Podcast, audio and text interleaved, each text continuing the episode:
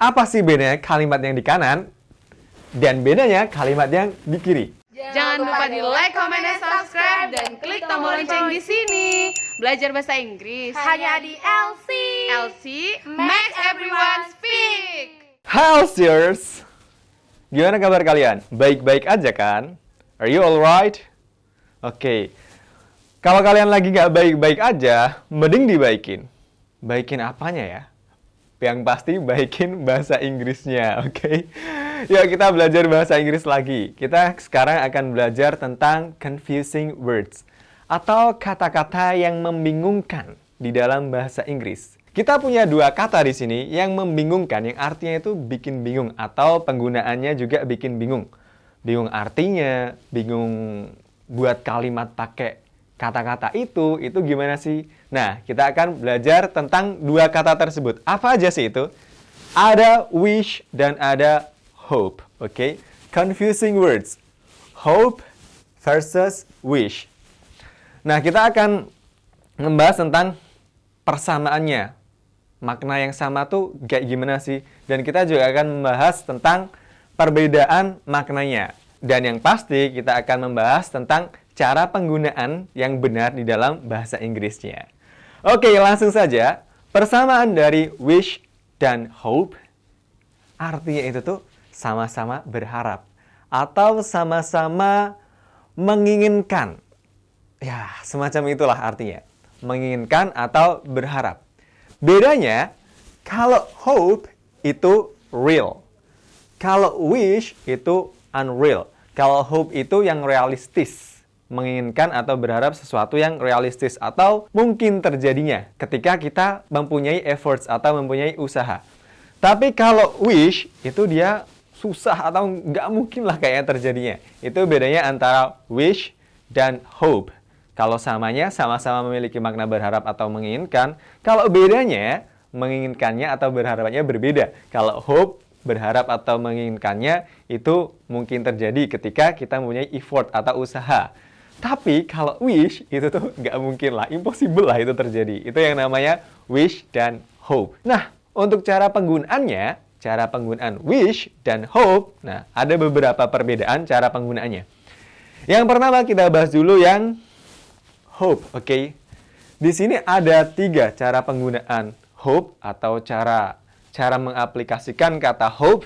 Yang pertama, polanya yaitu ada subject, setelah itu ada hope, setelah itu bertemu dengan simple present, oke? Okay? Subject, hope, bertemu dengan simple present. Yang pertama ini dia digunakannya untuk future atau masa yang akan datang. Jadi berharap atau menginginkan sesuatu untuk yang akan datang. Contoh kalimatnya, I hope I get a good score. Aku berharap aku mendapatkan nilai yang bagus. Ini tuh kita belum ujian, belum melakukan tesnya. Tapi kita berharap untuk mendapatkan nilai yang bagus. Dengan apa? Dengan usaha, dengan belajar yang keras. Berarti masih ada kemungkinan kan untuk mendapatkan nilai yang bagus. Dan kita berharapnya untuk yang ke depannya. Ujiannya belum, kita berharap duluan.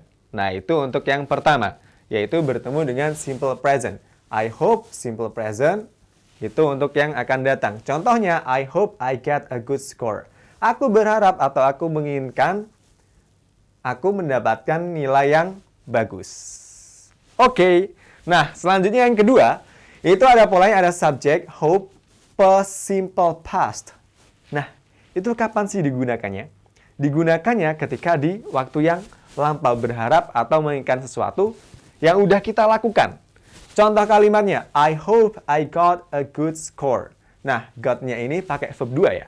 Karena polanya kan ada simple past-nya. Jadi pakai verb 2. I hope I got a good score. Aku berharap mendapatkan nilai yang bagus. Nah, sama yang pertama kan sama. Sama-sama ingin mendapatkan nilai yang bagus. Bedanya kalau yang kedua ini, kita udah melakukan ujiannya, udah ujian, udah ngerjain soalnya, udah ngelakuin tesnya. Tapi nilainya kan belum keluar. Nah, kita berharap ujian yang udah kita lakukan itu mendapatkan nilai yang bagus. Itu perbedaannya. Kalau yang pertama tadi belum melakukan ujian, dan kita berharap ketika nanti dapat nilai dan melakukan ujiannya itu nilainya bagus. Tapi kalau yang kedua ini ujiannya tuh udah. Misalkan kemarin kalian udah ujian, tapi nilainya kan belum keluar. Nah, kalian bisa berharap untuk ujian yang kemarin itu mendapatkan nilai yang bagus. Itu bedanya yang pertama dan yang kedua. Next, selanjutnya ada yang ketiga. Yang ketiga itu ada subject hope plus present continuous. Subject hope plus present continuous. Nah, ini itu untuk harapan yang lagi terjadi atau yang sedang terjadi on progress. Makanya now. Nah, itu apa? Sekarang. Masa sekarang. Contohnya ada I hope you are enjoying my video. Nah, di sini kan present continuous. Maka nanti bertemunya dengan be plus verb ing. Be-nya di sini yang cocok adalah you bertemu dengan are. Setelah itu enjoy-nya jadikan verb ing. You are enjoying. I hope you are enjoying my video. Nah, kita kan aku kan lagi ngelakuin lagi, aku kan lagi take video ini. Nah, ini kan lagi terjadi. Nah, maka aku bisa bilang I hope you are enjoying my video. Jadi sesuatu yang lagi terjadi, kita berharapnya itu untuk sesuatu yang sedang kita lakukan. Itu untuk yang ketiga. Oke, kita review ya.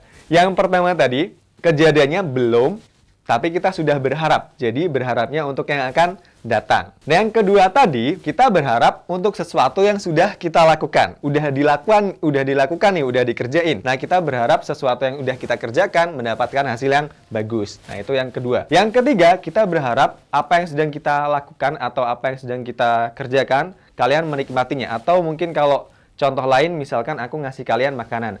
I hope you are enjoying my food. Nah, aku berharap kamu menikmati makanan yang aku beri. Misalkan kayak gitu. Nah, itu untuk penggunaan yang hope. Yang selanjutnya ada kata wish. Wish itu juga berharap, juga menginginkan sesuatu, tapi kan nggak mungkin terjadi. Beda sama kayak yang hope. Hope itu kan dia mungkin terjadi ketika kalian mempunyai usahanya. Tapi kalau wish itu nggak akan terjadi, impossible atau unreal atau nggak realistis lah kalau yang wish itu. Yang pertama, polanya wish itu ada subject, wish plus simple past. Nah, kapan sih kalian harus menggunakan pola yang pertama? Kapan sih kalian harus menggunakan rumus yang pertama? Ketika pada saat sekarang. Pada saat sekarang kalian mengharapkan sesuatu, tapi itu nggak mungkin. Misalkan ada contohnya di sini, I wish I did it. Aku berharap aku mengerjakannya tapi kan nyatanya aku nggak mengerjakannya. Atau mungkin kayak gini, aku kan tinggiku segini kan, tinggiku segini nih. I wish I could be taller. Aku berharap aku bisa lebih tinggi. Kan nggak mungkin sekarang aku lebih tinggi. Nah, itu untuk penggunaan yang pola pertama yang wish ketika menggunakan yang namanya I wish plus simple past. Nah, di sini menggunakan yang namanya verb 2. Oke, atau kalau kalimat nominalnya kalian bisa menggunakan were. Oke, kalau kalimat verbalnya kalian bisa menggunakan uh, yang namanya verb 2. Kalian udah ngerti tenses belum sih? Kalau kalian belum ngerti tenses atau belum terlalu memahami yang namanya tenses simple present, past perfect, simple past, tonton video kita dong, tonton video kita. Di mana? Ya di YouTube kita ini nanti akan ada link deskripsinya. Silahkan diklik buat kalian lebih paham uh, apa itu simple past, apa itu simple present, biar nggak bingung-bingung lagi. Oke? Okay? Nah, tonton videonya ya tentang tenses. Ada 12 tenses atau ada 16 tenses yang udah kita jelaskan. Makanya ditonton videonya, jangan cuman di skip-skip, tonton videonya. Oke? Okay? Nah, selanjutnya yang pola kedua itu ada subject, wish, past perfect. Semua subjeknya itu bebas ya Kalian bisa menggunakan subjek she, he, it, you, they, we, atau boleh pakai nama orang gin, atau boleh pakai nama apa pun terserah kalian lah. Nama orang juga boleh. Nah itu bisa, subjek itu bisa semua, semuanya. Oke, yang kedua ada subject wish plus past perfect. Past perfect, aduh, tensis past perfect ini apalagi tonton videonya ya, tonton video yang lainnya. Untuk pembahasan, untuk pembahasannya past perfect. Simpelnya gini, past perfect itu nanti ada pola had plus verb 3. Itu kalau yang verbal. Kalau yang nominalnya ada had, been, plus adjective, noun, ataupun adverb. Itu untuk pola yang no, nominal. Nah, kita pakai pola yang verbal sekarang. I wish I hadn't said anything. Nah, ini untuk yang negatifnya ya. I wish I hadn't said. Hadn't itu had not aslinya. Bertemu dengan verb 3. Said-nya ini verb 3. Aku berharap aku tidak mengatakan apa pun. Nah, penggunaannya untuk yang kedua ini, wish plus past perfect, itu untuk yang masa lampau, sesuatu yang sudah kita lakukan. Dan kita menyesalinya. Oke, jadi untuk wish yang kedua ini kita udah melakukannya di masa lampau dan kita tuh menyesalinya. Aku berharap aku tidak mengatakan apa pun pada saat itu misalkan. Nah kan kalian faktanya udah udah ngomong, udah melakukan itu, udah mengatakan itu. Jadi nggak mungkin dong harapan itu terjadi. Karena harapannya kan udah yang lama, udah terjadi. Jadi nggak nggak mungkin dan kalian menyesalinya. Itu untuk wish penggunaan yang kedua, yang wish bertemu dengan past perfect. Oke. Okay. Next, selanjutnya untuk yang ketiga, pola yang ketiga itu ada subject, wish plus past future. Oke, okay? subject, wish plus past future. Nah, kapan sih menggunakan pola yang ketiga ini? Penggunaan pola yang ketiga ini untuk yang akan datang. Tapi itu nggak bisa. Yang untuk yang akan datang, tapi harapannya itu nggak bisa terjadi, nggak mungkin terjadi. Contohnya ada kalimat, They wish they would come to my party. Oke, okay? they wish they would come to my party. Oke, okay, past future itu rumusnya ada would, nanti plus verb 1. Itu untuk verbalnya. Kalau untuk nominalnya, would be plus adjektif, noun ataupun adverb itu untuk nominalnya. Ini untuk yang uh, apa namanya? Ini untuk yang verbalnya. Jadi would-nya bertemu dengan verb 1. Bacanya would ya, bukan would. Gak ada L-nya, langsung would bacanya, oke? Okay? Nah, they wish they would come to my party. Mereka tuh berharap mereka tuh bisa datang ke acaraku, ke pestaku. Tapi mereka nggak bisa, nah maksudnya gitu. They wish they would come to my party but they can't do it. Oke, okay? mereka tuh pengen datang ke pestaku, tapi mereka tuh nggak bisa. Mungkin karena apa? Karena apa? Tapi mereka intinya nggak nggak bisa. Itu untuk penggunaan yang pola yang ketiga, yang wish plus past future. Oke, okay? dan ini yang terakhir nih, yang terakhir nih. Yang terakhir ini langsung kasih contohnya. Ada I wish you luck, ada I wish you the best. Mungkin nggak ada pola-polanya di sini, tapi ini juga ada maksudnya. Maksudnya kayak gini. Jadi kalian berharap untuk orang lain. Berharapnya itu bukan untuk kalian sendiri, tapi kalian bisa berharap untuk orang lain. Nah, kalian bisa menggunakan wish juga. Misalkan, I wish you luck. Aku berharap uh, kamu berhasil. I wish you the best. Aku berharap kamu mendapatkan yang yang paling baik. Nah, bisa kayak gitu.